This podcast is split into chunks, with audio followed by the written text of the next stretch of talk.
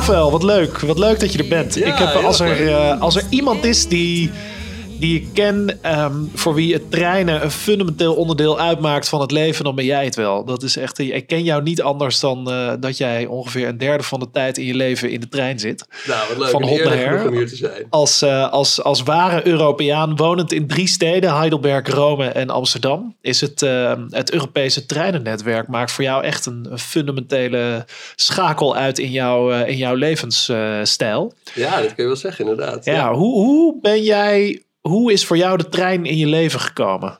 Ja, dat is een leuke vraag en ook wel een grappig verhaal. Want wat je nu zegt, dat was eh, absoluut niet waar in eh, 2006.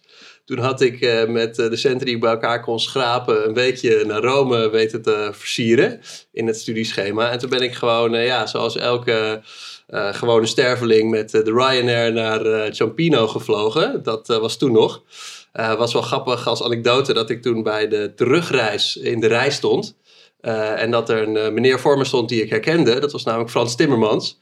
Die Ah. was toen eh, PvdA-Kamerlid. En ik zei, goh, meneer Timmermans, u gaat ook met de Ryanair als Kamerlid. Zei, ja, moet op de kleintjes letten. En dat was toen nog echt de tendens. Hè. Voor mij kwam de omslag twee jaar later, of één jaar later, in 2006 was dat. Toen ging ik voor zes maanden op Erasmus naar Italië, naar Bologna. Nou, toen had ik natuurlijk een ontzaglijke hoeveelheid eh, bagage mee. Dus die rider, dat ging hem sowieso niet worden. Dat was toen ook al een probleem. Dus toen dacht ik, nou, laat ik gewoon eens een keer met de trein gaan. En eh, toen ging ik naar de treinreiswinkel. Eh, toen was er nog een nachttrein naar Milaan. Dus eh kaartje geboekt voor de nachttrein naar Milaan. Vanuit Amsterdam. Eh, ja, volgens mij wel. Ik moest wel misschien nog overstappen in Keulen of Düsseldorf. Maar die nachttrein ging in ieder geval door naar Milaan. En dat was heerlijk, want ik kwam daar dus 's ochtends aan. Na een fantastische ervaring met een Italiaanse mevrouw die in Keulen in de trein stapte. Tranen begon, met tuiten begon te huilen. Haar man stond aan de andere kant van het raam. Het was echt een dramatisch afscheid. Dus ik was eigenlijk in Keulen was ik al in Italië, zo kan je dat zeggen. Ja. En die mevrouw die begon snoepjes uit te delen. En kijk, het was voor mij, ik sprak helemaal nog geen Italiaans. Het was echt een, een heel nieuwe ervaring om naar Italië te gaan. En dat begon dus eigenlijk al in die trein. Ja. En toen, toen ben ik denk ik meteen ja, verslaafd geraakt daaraan. Dat Ja. was denk ik de eerste ervaring dat ik dacht van dit is zo geweldig. Ja, dit want wil ik gewoon vaker doen. we, we kunnen wel zeggen dat jij, jij, jij reist eigenlijk alleen maar met de trein door Ja. Europa. Je pakt nauwelijks of, of helemaal niet het vliegtuig. Ik kan, me, ik kan me nog één keer herinneren dat wij samen een Rome-reis gingen begeleiden voor studenten. En eh, dat wij vanuit de Universiteit van Utrecht samen naar Rome werden gestuurd. En eh, de, toen gingen we met het vliegtuig. En ik Mhm. weet nog wel dat ik, ik was wat eerder op Schiphol dan jij. En ik, ehm, ik was al door de douane heen. En toen kreeg ik voor jou een sms'je. En ik heb het geprobeerd terug te vinden. Dat heb ik helaas niet gevonden. Maar dat was iets in de trant van... Jeetje, meneetje, god voor de kleren. Wat maak ik nu weer allemaal mee met die douane? En je moest je schoenen uit en je riem uit. En, en alle bagage moest open. En je tassen en je Ja. dingen. En dat was jij totaal niet meer gewend. Nee, klopt, klopt. Daar heb ik een beetje glimlachend eh, heb ik, eh, eh, heb ik dat gadegeslagen. Dat was vliegen met jou, dat is een hele ervaring. dat is grappig dat je zegt, dat is inderdaad wel een tijdje geleden. Maar ook wel even graven in het geheugen. Maar Ja. ja, ik, ik voelde me steeds vaker, en dat hebben denk ik steeds meer mensen, natuurlijk ook gewoon een beetje een soort object, weet je wel? Een soort, eh, ja, een soort slaaf bijna van eh, doe maar even dit, doe maar even dat. En eh, ja, daar had ik eigenlijk totaal geen zin meer in. En de trein is juist het andere uiterste. Je komt, dus ik reis vaak met veel bagage. Je komt gewoon aan het station, je zet die zooi in de trein. Je gaat zitten en je bent klaar. Weet Ja. je wel? Dus mensen zeggen natuurlijk heel vaak, ja, treinen duurt zo lang, vliegen gaat lekker snel. Nou ja, dat, in mijn ervaring is dat natuurlijk netto of bruto heel anders. Hè? Dus eh, als je gewoon al die toestanden erbij rekent. Ik had inderdaad altijd gedoe. Want eh, had ik weer eens het verkeerde wel of niet ingepakt. Wel of niet in de handbagage. Ja, ik werd er helemaal horendol van inderdaad.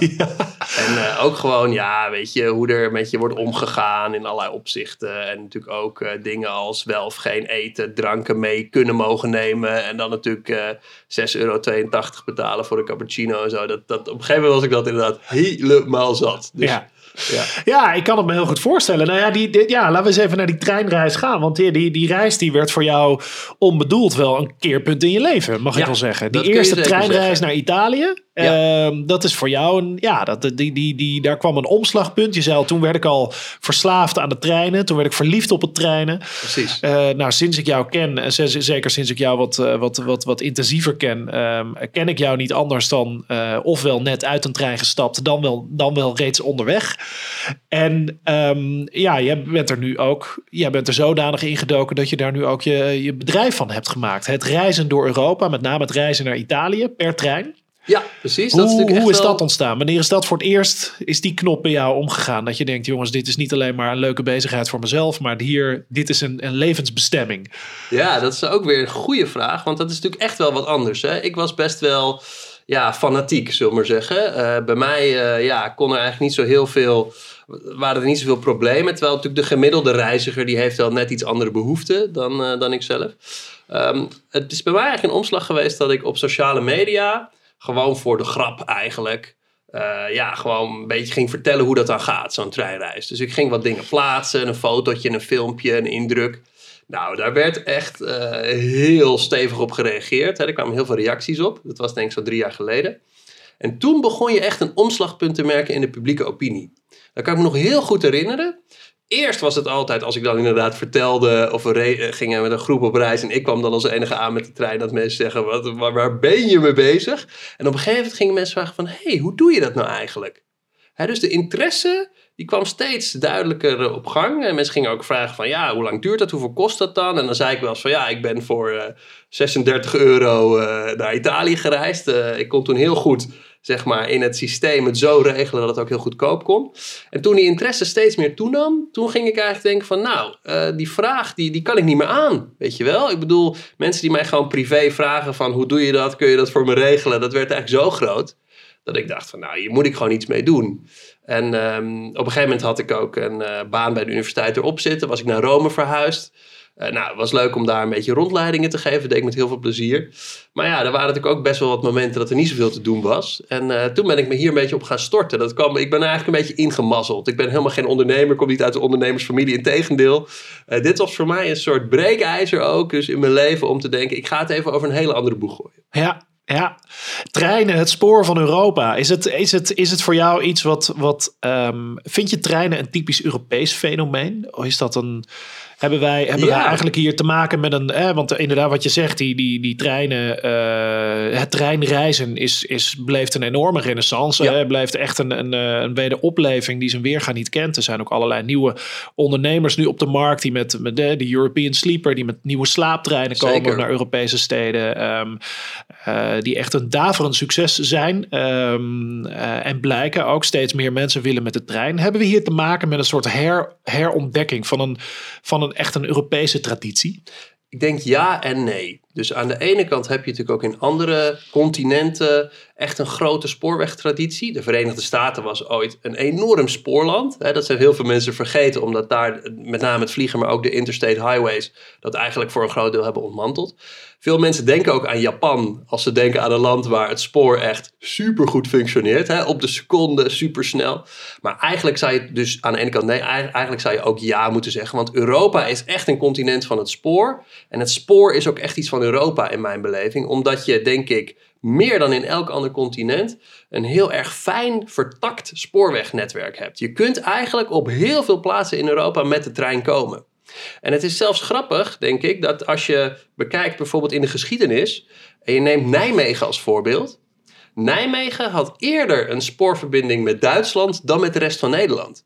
Dus die geschiedenis is ook heel Europees. Er Ja. zijn dus ehm, zeg maar plaatsen die veel beter verbonden waren met de rest van Europa dan met het land waar ze in, in, in lagen eigenlijk. En dat geeft denk Ja. ik heel mooi aan hoe Europees die geschiedenis van het spoor is. Die, dat spoor heeft zich aanvankelijk niet aan de nationale grenzen gehouden. Later is dat dus helaas ontstaan. Maar in oorsprong was het dus een heel Europees fenomeen.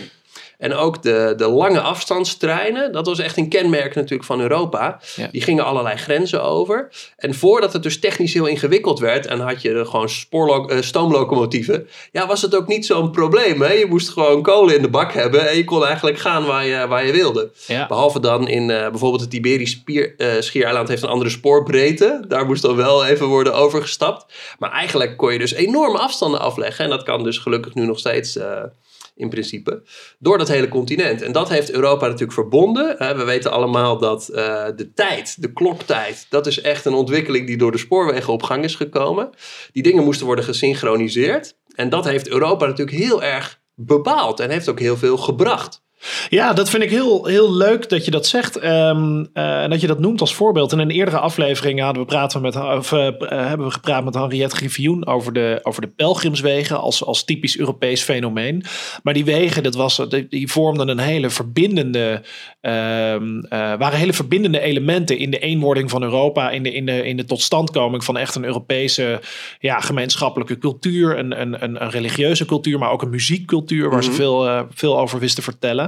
Ehm, en je zou kunnen zeggen dat eigenlijk die, die, die spoorwegen eigenlijk op hun beurt opnieuw een soort ja, intensivering van de Europese cultuur hebben meegemaakt. Ik weet nog wel dat ik op een gegeven moment dagboeken las van, uh, van Stefan Zweig en ook van, uh, van Thomas Mann. Um, en en die, die aan het begin van de 20e eeuw leefde. Um, die ook beschreven van, ja, weet je, die, die echte Europese cultuur, die, die, die, ja, die kunstcultuur, die, die, mhm. die, literaire cultuur in Europa, mhm. die is ongelooflijk bevorderd door het spoornetwerk. Omdat die mensen ineens de kans kregen om veel meer steden te bezoeken, veel meer andere landen te bezoeken. Vaak hadden ze nog niet eens een paspoort. Dat bestond nog helemaal niet in die tijd. Uh, niet in de huidige vorm zoals we dat nu kennen. En die mensen die pakten de trein en die gingen overal en nergens naartoe. Ja, de trein heeft echt de mobiliteit in Europa echt een soort kwantumsprong gegeven. Als je kijkt naar een kaart van Nederland in 1800 en je, je ziet daar de reisafstanden, dan duurde het dus 12 uur om van Amsterdam naar Limburg te komen. Dat was eigenlijk al een enorme onderneming, zou je kunnen zeggen. Ja. Dus de spoorwegen hebben die trein natuurlijk zo drastisch verkort. Dat het niet alleen binnenlanden, maar ook tussenlanden mogelijk werd om inderdaad heel veel te reizen. Langs de Rijn bijvoorbeeld. Hè, natuurlijk wel oude routes vaak, waar je makkelijk spoor kunt aanleggen. Die werden heel snel zeg maar, omgetoverd tot spoorlijnen. En als je bijvoorbeeld ook denkt aan, het, uh, aan een stad zoals Venetië. Die is op een bepaald moment op het spoor aangesloten. Daar moest een enorme dam worden gebouwd om dus door de lagune heen het spoor naar Venetië te brengen. Nou, dat heeft alles veranderd dat was echt een keerpunt in de geschiedenis van die stad. Het was niet langer een soort afgesloten bastion in het water. Nee, dat werd onderdeel van het, het grotere geheel, zou je kunnen zeggen. Er was verkeer van mensen, van goederen, van ideeën, inderdaad. En natuurlijk, kijk, dat heeft ook een keerzijde. Hè? Daar is ook een stad als Venetië natuurlijk onherkenbaar door veranderd. Ten goede en ten kwade.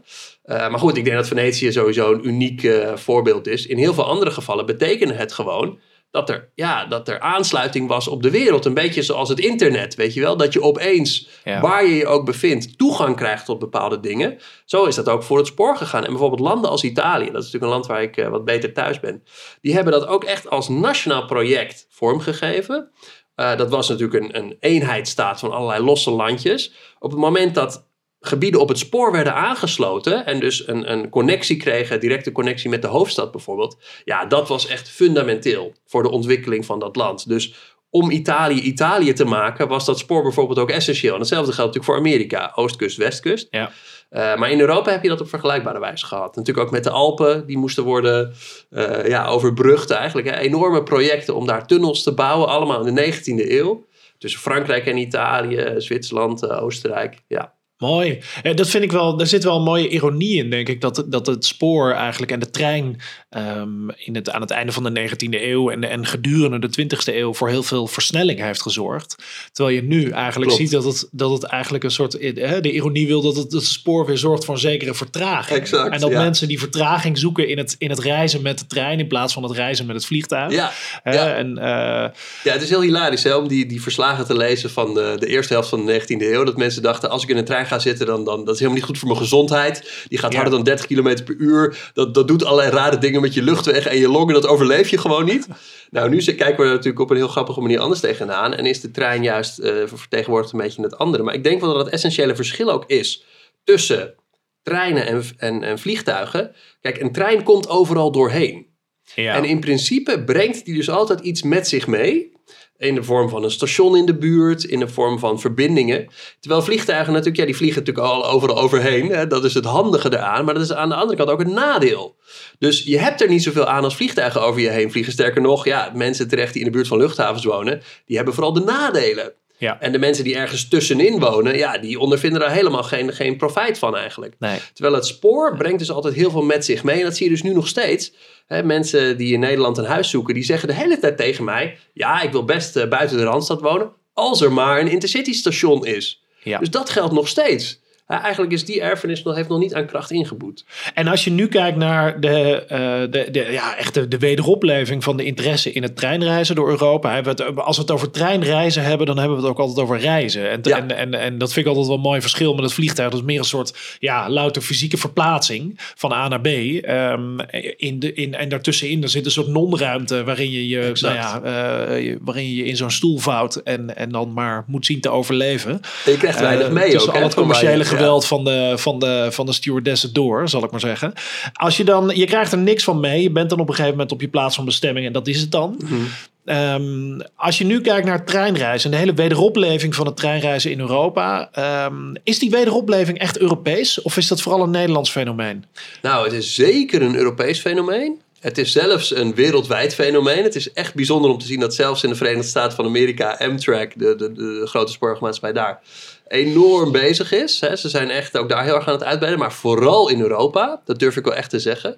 Je ziet het in Nederland, je ziet het in Duitsland, je ziet het natuurlijk in Zweden, eh, waar Greta Thunberg natuurlijk ook de gemoederen heeft eh aangejakkerd. Eh, maar je ziet het zelfs in een land als Italië, waar mensen toch wel redelijk, ja, eh, op hun zeg maar, comfort en gemak zijn eh, gesteld. Die gaan niet zo snel omwille van de duurzaamheid misschien heel veel ongemakken ehm, op de koop toenemen. Maar ook daar is het overduidelijk dat dat gaande is. En dat is het leuke. Je hebt landen zoals Griekenland, daar heb je eigenlijk maar twee spoorlijnen. Maar zelfs daar zie je het. Dus ja, het is, het is niet te stuiten gewoon. En eh, ook bijvoorbeeld het Oostblok, een ehm, voormalige Oostblok, een regio die bij veel mensen wat minder op de kaart staat.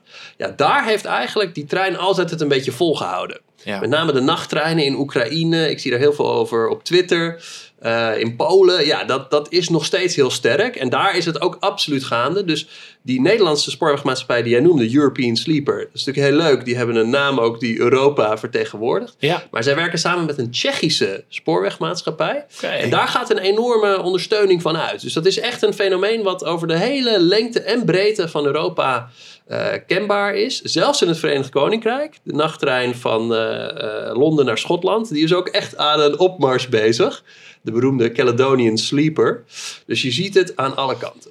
En is het nou zo dat je verwacht dat je binnen nu en tien jaar ook high-speed trains naar bijvoorbeeld vanaf Amsterdam naar Rome zult hebben of eh, weet je van Berlijn naar Barcelona? Ja, dat Of, is of een- zit daar nog een zit daar echt nog een, een, eh, een brug te slechten, zal ik maar Nou, dat is inderdaad een complex dossier. Want eh, voor hoge snelheidslijnen heb je gewoon hele nieuwe infrastructuur nodig. Dan heb Ja. je het over niet alleen miljarden investeringen inderdaad, maar ook gewoon die tracés. Hè? Waar, waar leg je nou in een land als Nederland nou nog een nieuwe spoorlijn neer? Ja. Dat hebben we gezien met de HSL Zuid. Enorm drama toestanden. Eh, nou, dat is in sommige landen is dat wat makkelijker te doen. Hè, bijvoorbeeld in Duitsland zijn ze wat dat betreft daar hard mee bezig. Dan heb je natuurlijk iets meer ruimte.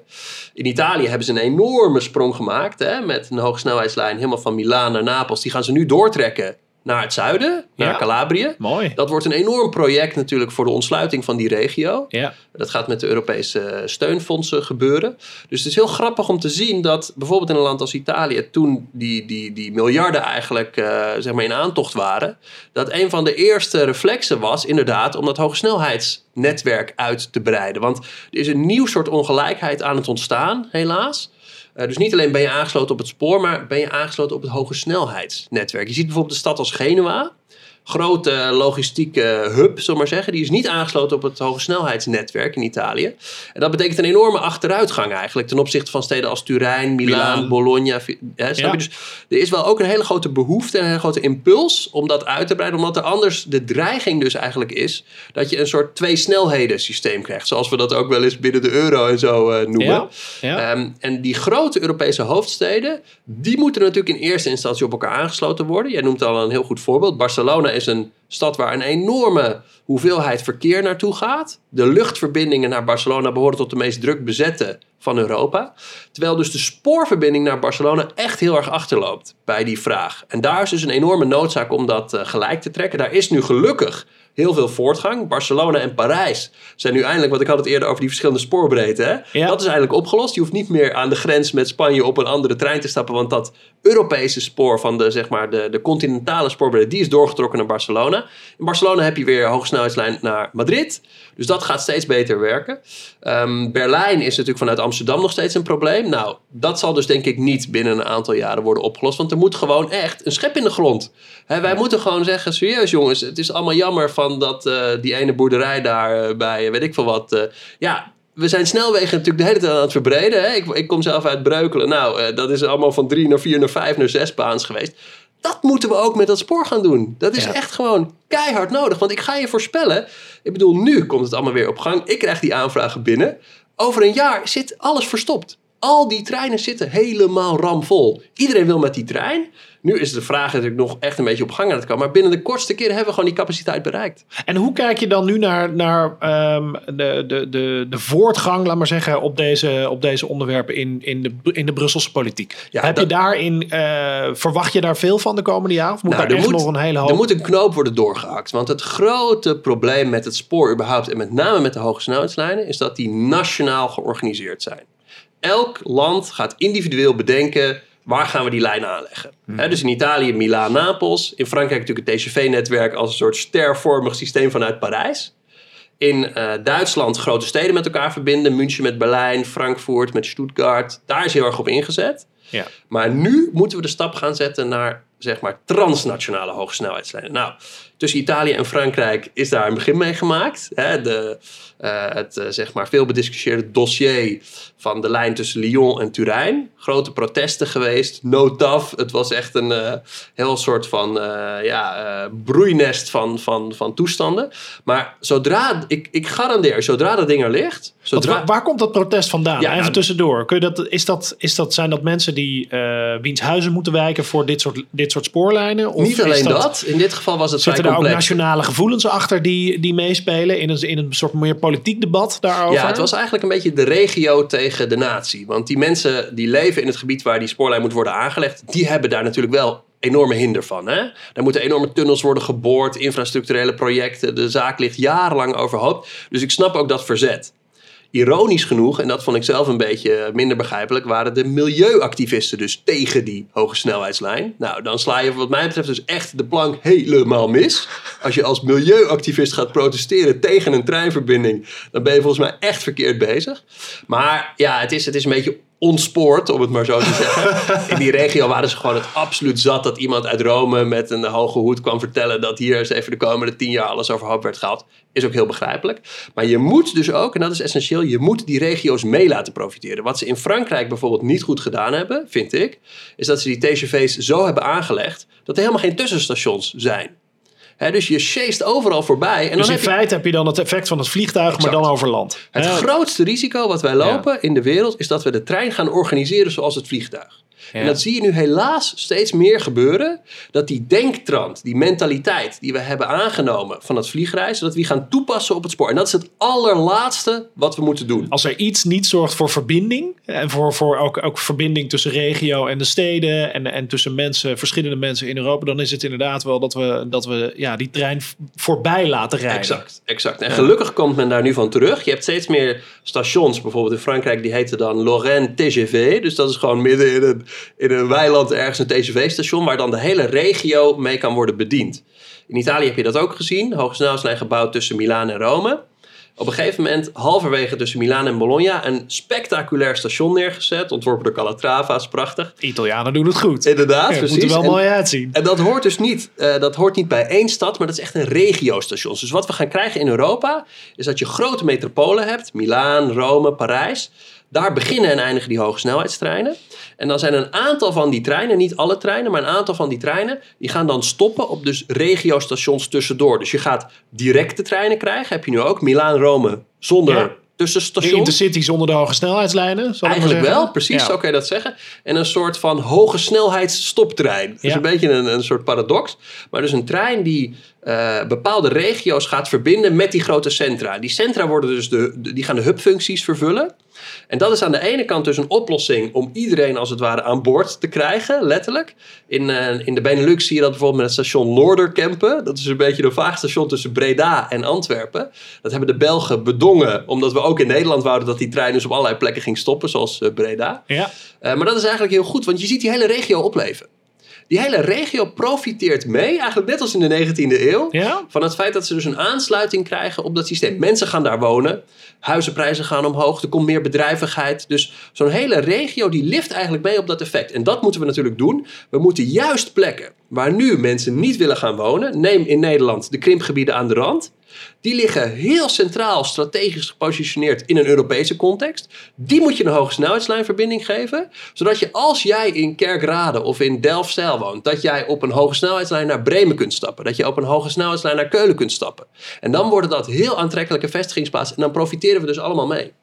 Ja, want dat is wel iets. Kijk, als we, wie, als we nu kijken naar het treinennetwerk en eh, in Europa en hoe verbindend dat heeft gewerkt in het verleden en hoe verbindend dat ook weer werkt vandaag, denk je dat dat treinennetwerk, doordat we, als we dat goed organiseren, Mhm. hè, dus niet zoals het vliegtuig, zoals, Nee. het, zoals het luchtruim organiseren, maar echt vanuit een moderne visie op verbinding en, eh, en interconnectiviteit. Ehm, denk je dat dat treinennetwerk dan ook ons, ons besef van van het Europeaan zijn verder kan versterken. Ons, ons, ons veel meer over grenzen heen laat denken en voelen. In plaats van dat we in die, in die oude nazistaten blijven denken. Ja, als ik mijn geld zou kunnen inzetten, zou ik het daarop inzetten. Want ehm, dat zie je heel duidelijk nu al gebeuren. Er zijn gewoon, eh, een beetje net als in de 19e eeuw... en Nijmegen dat eerder verbinding had met Duitsland dan Ja, met Nederland. precies. Dat is precies wat je nu ook ziet. Dus bepaalde plekken die, die, die profiteren echt van het feit... dat ze eerder internationaal dan nationaal goed verbonden zijn. Neem bijvoorbeeld de lijn tussen Brussel en Keulen. Die gaat over Luik en Aken. Nou, dat zijn twee steden waar altijd, nou, met name in Luik natuurlijk wel echt een beetje problemen zijn geweest, weet je wel.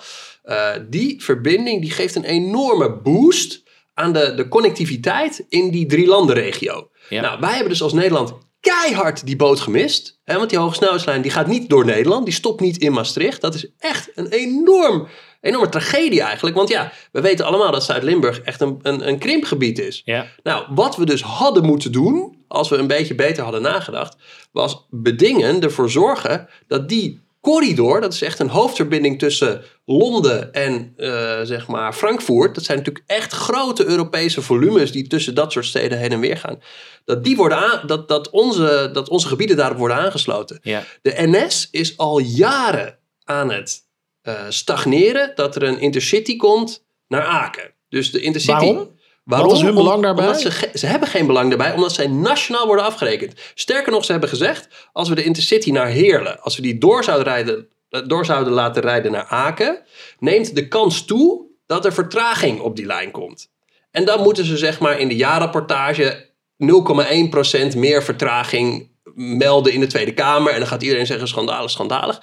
Terwijl dat stukje tussen Heerlen en Aken, dat is, dat is helemaal niks. Dat is, je bent in een kwartier of twintig minuten, het spoor ligt er al, alles is klaar. Ja. Het enige wat de NS moet doen is zeggen, wij gaan die trein nog even laten verder rijden. En dan is Nederland dus aangesloten op dat hoge snelheidsnetwerk, wat dus in Aken stopt. Ja? Dan kun je dus vanuit Heerlen met één overstap, als de wielen weer gaan naar Parijs. Nou, dat gaat natuurlijk heel veel veranderen op zo'n plek. Hè? Ja, dan ben je precies. niet meer het einde, ben je niet meer het laatste station waar alles eindigt. Nee, maar dan ben je middenin, zit je midden in dat systeem. En zo kun je nog veel meer plekken bedenken. Vroeger had je een trein van Groningen naar Bremen bijvoorbeeld. Nou, wij zitten altijd natuurlijk te emmeren over die, die, die trein naar Groningen. Maar dat is allemaal vanuit de Randstad gedacht. Terwijl als je in, in Noord-Nederland zit, dan is Duitsland natuurlijk een heel belangrijk, eh, heel belangrijk gebied. Ja. Hè, Bremen, industrie, havens. Als je dat dan goed met elkaar verbindt, ja, dan krijgt die hele regio dus, eh, die profiteert er eigenlijk van mee.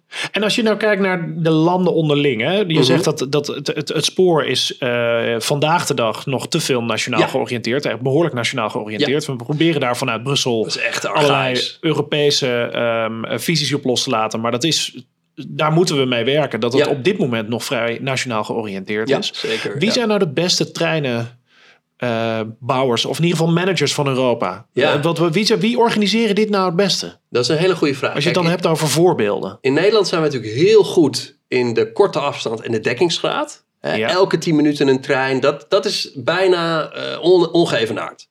Dat, daar zijn wij echt het allerbeste in. Dus daar kunnen andere landen echt heel veel van ons leren. Maar waar wij niet goed in zijn, is de lange afstand.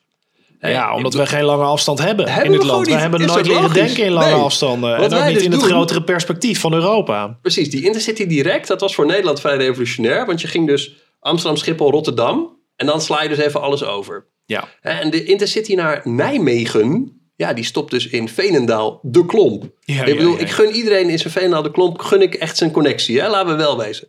Maar dat je niet in Nederland een Intercity kunt laten rijden, die alleen op de grote stations gaat stoppen, dat is dus onze Achilleshiel. Terwijl in Italië En die, bijvoorbeeld... en die dan vervolgens verder laat rijden richting Duitsland, richting Exact. België, richting Exact. Frankrijk. Ja, ja. Dat, je, dat je groot denkt. Want wij laten elke 10 minuten een trein rijden tussen Eindhoven en Amsterdam.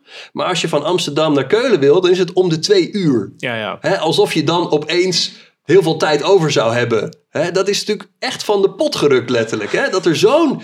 Dat, gro- dat verschil wordt alleen maar groter. Hè, dus we hadden heel veel gedoe met de Intercity Brussel. Die zou worden afgeschaft. De NS had het prachtige plan in zijn hoofd gehaald. dat ze die trein wel even konden afschaffen.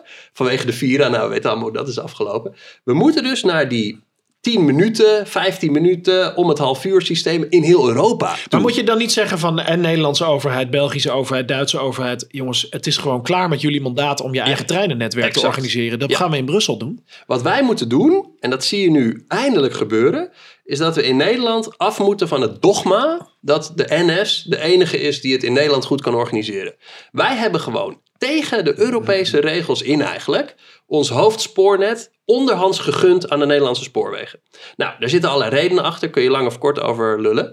Maar de Deutsche Bahn is gewoon veel beter in lange afstandstreinen. Maar is het hier niet zo dat de NS het eigenlijk wel zou kunnen, Mhm. maar dat de Nederlandse politiek het gewoon verkloot? Daar zit natuurlijk ook Omdat, een hele, hè, hele en, belangrijke en, en dimensie. ook, ja. Want die bepaalt uiteindelijk waar de Ja. NS op wordt afgerekend. En dan, Exact, dan snap ik wel dat, die, dat die NS zegt van nou, als dit is waar we op worden afgerekend. Allemaal nationaal dan, afgerekend, dan, ja. dan moet ik ook, dan zijn wij ook gedwongen om dat ook nationaal te organiseren. En om Klopt. onze blik klein te houden en, onze, Klopt. en achter die dijken te gaan schuilen. Kijk, wat we nu hebben is eigenlijk een situatie die vergelijkbaar is met de 19e eeuw. Toen moesten regio's in één land aan elkaar worden verbonden en met elkaar tot één geheel worden gesmeed. Dat moeten we nu doen in Europa. Het spoor ligt er ook. Hè, dat is de grap. Er ligt heel veel spoor in Europa. Ja.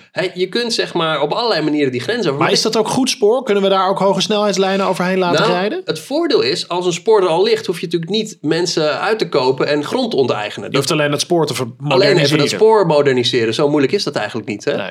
Dus dat is relatief veel makkelijker dan Ja. natuurlijk uit het niets hele nieuwe routes aanleggen. à la de Betuwe-lijn. Nou, dat hebben we gezien hoe, hoe dat ging. Dus je moet die routes, die moet je adopteren. Daar moet je eerst beginnen met gewoon het spoor dat er is te gebruiken. Dan creëer je volume, dan komen er mensen. Ik ga heel vaak, omdat ik altijd ook een beetje op de kosten let... met een regionale trein de grens over. Bijvoorbeeld bij Venlo, bij Arnhem, Emmerich. Ik neem vaak dat soort treinen de grens over. Omdat die vaker gaan, die gaan dus wel elk uur... dan die internationale verbindingen. Dus de boemel van Venlo naar Düsseldorf, die gaat vaker dan Ja. de hoge snelheidstrein van Amsterdam naar Düsseldorf. nou, dat, dan denk je toch ook in wat voor wereld leven we in 2021? Maar als je nou kijkt naar dat, naar, er wordt heel veel geïnvesteerd. Ehm, althans, er wordt de, de, de vraag neemt enorm toe van het, het, treinreizen, Ja. het reizen over Ja. land, het duurzaam reizen ehm, eh, in Europa, in, in Noordwest-Europa, maar ook in andere delen van Europa. Eh, je ziet nu dat langzaamaan ook de investeringen gaan toenemen. Ehm, de, de, nou ja, er zijn nu bedrijven die, eh, eh, hoe zeg je dat, op Nieuwe- een moderne private manier ja, nieuwe precies. verbindingen leggen. Nieuw De. European Sleeper, de nieuwe Ja. nachttreinen, maar er zijn ook andere organisaties en andere bedrijven die, eh, die uit de grond komen nu. En die, die geven ook nieuwe, nieuwe aandelen uit. Nou, eh, prachtig succes. eh, binnen een kwartier een half miljoen opgehaald de afgelopen Zeker, ja, echt complimenten voor European Sleeper. Die ja, hebben maar dat echt is mooi. zien. Hè? Dat, is, dat is dan een mooi voorbeeld, maar één, één van de meerdere, denk ik, die er zijn. Ze zijn niet de enige. Maar gaan we hier een, een, ook een, een, een, een, een wederopleving zien, een wederopstanding van het, van het grote investeren in treinnetwerken, ook door private partijen? Ja, dat denk ik wel. Eh, kijk, de overheid laat het afweten. De nationale spoorwegmaatschappijen laten het een beetje afweten. Ja, Dus zij worden gewoon ingehaald, letterlijk, door die private partijen die wel die kans grijpen om, om die vraag te bedienen. Ja. De vraag is er namelijk, dat is onmiskenbaar het geval. Dus als die, die nationale spoorwegen moeten ook oppassen dat ze niet gewoon van de markt worden geconcurreerd. Hè, want wat hebben we in Europa afgesproken? We hebben afgesproken dat de spoorbeheerder, dus bij ons ProRail, los komt te staan van Ja. de vervoerder, NS. ja. Dat betekent dat alle andere vervoerders in theorie ook gewoon paden, heet dat, kunnen aanvragen om van de ene naar de andere plek te rijden. Ja. Nou, alles wat de NS dus laat liggen, dat wordt sowieso dus al opgevuld door andere aanbieders. Want op die lijn die er dus nu komt van Brussel, Amsterdam, Berlijn, Praag, ja, daar is geen aanbod. Nee. Hè, dus het is heel logisch dat er Het is eigenlijk niet meer dan logisch dat er iemand instapt en zegt ik ga dat doen. En dat gaan we dus veel vaker zien in de, Ja. in de, nabij, in de komende jaren. Ik zie overal, want ik volg dat heel erg op sociale media, zie ik als een soort, eh, soort grasprietjes, zie ik dat oppoppen. Eh, in België zijn twee treinmaatschappijen erbij gekomen. In Zweden zijn ze heel erg actief. In Oost-Europa dus een grote maatschappij die aan het uitbreiden is. En in Italië, en dat is ook best wel uniek, heb je dus al een private concurrent op het hoge snelheidsnetwerk. Ja. Dus tot nu toe, eh, zeg maar, wat je nu ziet, is dat vooral aan die marges, dus de nachttrein, dat wordt eigenlijk niet opgepakt eh, door, door de grote maatschappijen in Europa, behalve de Oostenrijkse. Daar zie je private initiatieven. Maar Italië is een heel goed voorbeeld van een land waar je ook op het hoge snelheidsnetwerk, waar we het net over hadden, ook private concurrentie ziet. Ja. En dat heeft heel veel betekend ook voor de prijs van die verbinding. Want dat is natuurlijk de andere vorm van ongelijkheid.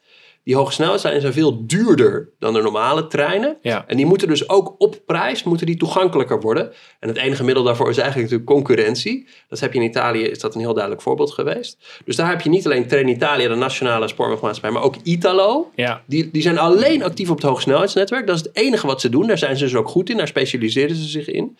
En ik hoop heel erg dat de andere landen in Europa ook de hoge snelheidsmarkt dus gaan openstellen. Dat de liberalisering ook daar op gang komt. En dat je straks eventueel zelfs kunt kiezen uit aanbieders. Als je met de hoge snelheidslijn bijvoorbeeld van Amsterdam naar München wil. En als ik dat dan wil, jij hebt, jij hebt een eh, recent de Italië-centrale opgezet. Ja. Eh, nou, je weet, we zijn alle twee fanaten, Rome-fanaten en Italië-liefhebbers. Ehm, we komen daar allebei heel veel. Eh, als ik met de trein naar Italië wil, wat, Mhm. wat bied jij de reiziger? Wat ik nu de reiziger bied, is op basis van de bestaande verbindingen die er zijn, een zo probleemloos mogelijke boekings- en reiservaring. Hè, het is nu, als jij naar Milaan wil en je gaat naar NS Internationaal, dan krijg je gewoon niks. Dan kun je Nee, ik kan niet via de NS kopen. niet boeken. Ik kan geen kaartje kopen. Nee. Ik weet niet waar ik moet zijn. Ik weet niet welke route ik moet Exact, nemen. exact. Nou, Het dat, is toch bijna misdadig dat vind ik dus ook. dat hè. het niet aan Ja. de reiziger wordt aangeboden Exact. door een door de staat gesubsidieerde Ja. eh, spoorwegmaatschappij. Dus ik zou, ik zou zelfs willen zeggen, helaas heb ik dat bedrijf moeten oprichten. Want dat had gewoon de NS moeten doen. Ja. En dat had gewoon de, de, de spoorwegmaatschappij in Europa hadden dat moeten doen. Dus ik heb dat gedaan om als een soort disruptie te laten zien dat er wel vraag naar is. Ja. Snap je? En je hebt natuurlijk wel andere. Je hebt bijvoorbeeld de treinreiswinkel. Echt een oude speler in Nederland. Die op het gebied van treinreis, waar ik zelf ook bij ben begonnen. Hè. Toen ik naar Bologna ging, ging ik naar de treinreiswinkel om dat kaartje te kopen. ja. Dus ook Ah, niet- die bestaan nog? die bestaan nog en niets ten nadele van de treinreiswinkel. Maar die zijn niet zo. Die zitten. Kijk, ik, ik ben misschien wat agressiever op sociale media, snap je? Eh tra treinreiswinkels iets traditioneler blijven. Ik denk dat we echt disruptieve krachten nodig hebben. Die laten zien. Je kunt met twee overstappen naar Rome. Je kunt met één overstap naar Milaan. Dat kan voor 50 euro, 70 euro. Snap je? Je moet een beetje, je moet een beetje de, de, de, marketing-agressiviteit hebben. om mensen dat ook onder, in, onder hun neus te wrijven. Ja, om dat ook kenbaar te maken. Ik Exact. wist dat niet. Jij wist totdat dat ik niet. Jou, totdat ik met jou erover had. En ik dacht, Nou, jezus, kun je je voorstellen, ik wist jij bent überhaupt niet dat dat kon. Nee, inderdaad. Dus dat is de grap. Er kan nu al veel meer dan mensen weten. Ja. En daarom heb ik dus de Italië-centrale opgericht. Om gewoon te laten zien, jongens, het kan al. Weet je wel? Het wordt je nog niet zo makkelijk gemaakt. Maar als je het op een bepaalde manier regelt. En ik kan dat dus gewoon uit ervaring, weet ik precies hoe het moet. In een Jij kwartiertje kunt voor het halve in Europa dromen, heb ik het idee. Je bent een soort wandelende encyclopedie, spoorboekje. Ja, kijk, is, je eh, moet dus gewoon, je gaan, je, als, je, als je die reis wil gaan maken, dan moet je al een beetje een idee hebben van, oh ja, dan moet ik zo en zo. Want anders Ja. ga je zoeken en word je dus, zeg maar, bij je eerste zoektocht al het bos ingestuurd. Hè, dus je moet eigenlijk bij voorbaat al een beetje weten, Ja. oké, jij wil dus eigenlijk van Groningen naar Venetië. Nou, dan moet je absoluut via München. Want als je dan gaat zoeken via Basel, dan, dan, dan levert het niks op, snap Maar je? Dus- deze, deze, deze, deze, deze ongemakken neem jij weg. ja, dat is mijn doel Wat eigenlijk. fijn. En dat gelukkig kan ik daar heel veel mensen mee helpen. En sterker nog, eh, in 2020, want ik ben begonnen in 2020, nou dat was natuurlijk de meest rampzalige start ooit. In 2020 heb ik gewoon tientallen mensen kunnen helpen om van Nederland naar Zuid-Italië te rijden met de trein. Dan Ja. heb je het over 2000 kilometer. Nou, dat is een fantastische rit en dat, die liep het beste. Mooi. Hè, dus Heel als mooi. mensen eenmaal de smaak te pakken hebben, Ja. dan gaan ze. En het leuke is, heel veel mensen die doen dat ook vanuit nostalgie. Want die hebben dat vroeger nog gedaan.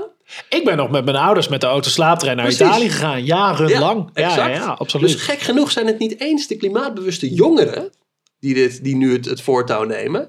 Maar meer de, de, de iets oudere mensen die, Ja. die het zelf nog kennen. Weet je wel, Ja. die ook niet bang zijn. Die ook niet terugdeinzen voor een iets langere treinrit. Want ze weten hoe heerlijk dat is. En dat probeer ik mensen ook echt te vertellen. Hè.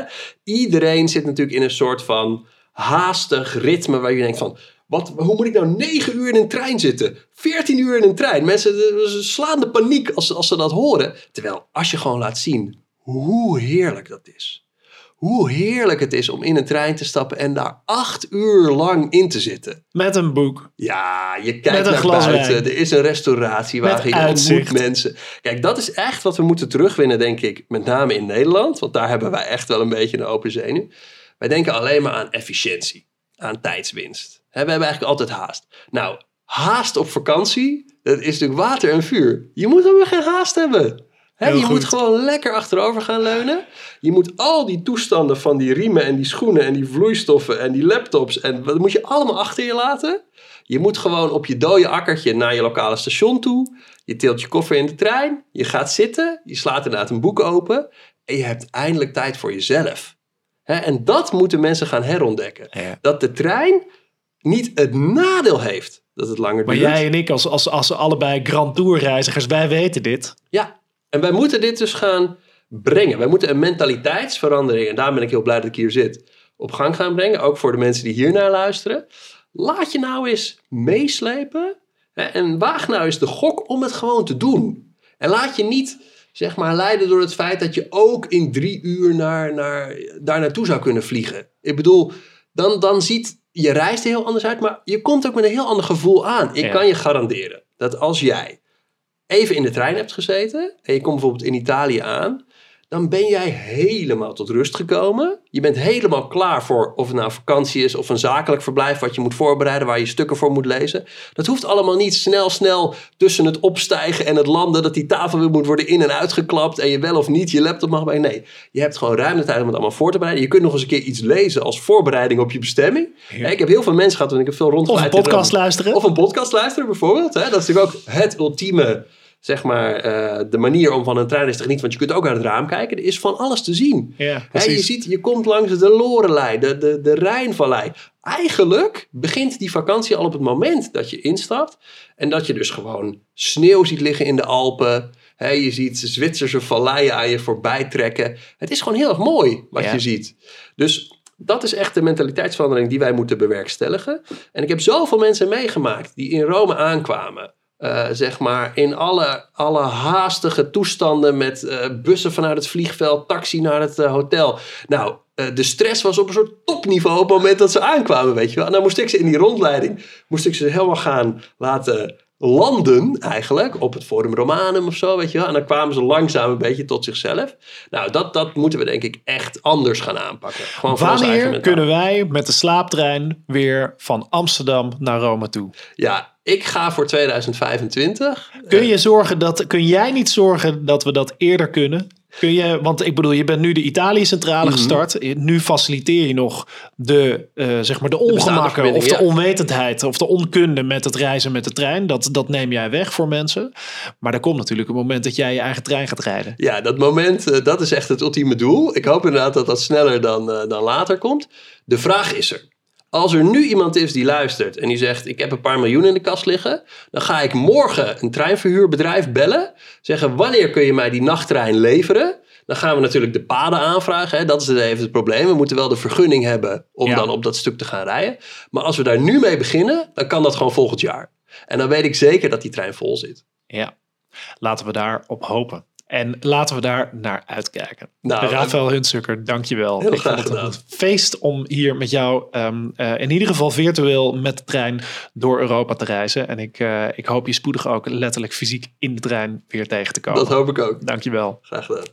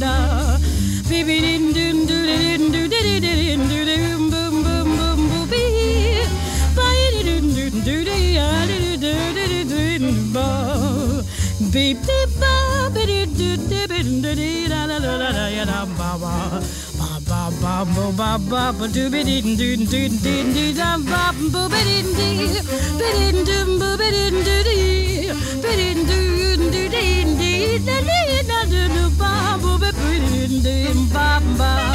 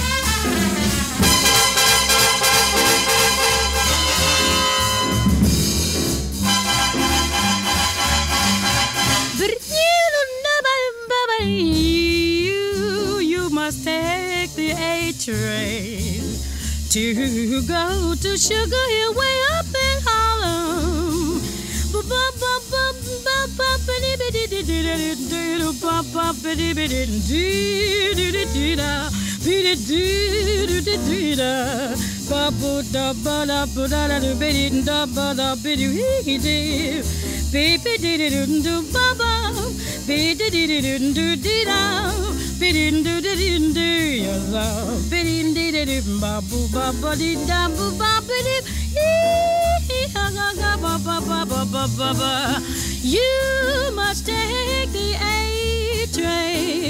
to go to Sugar Hill way up in Harlem.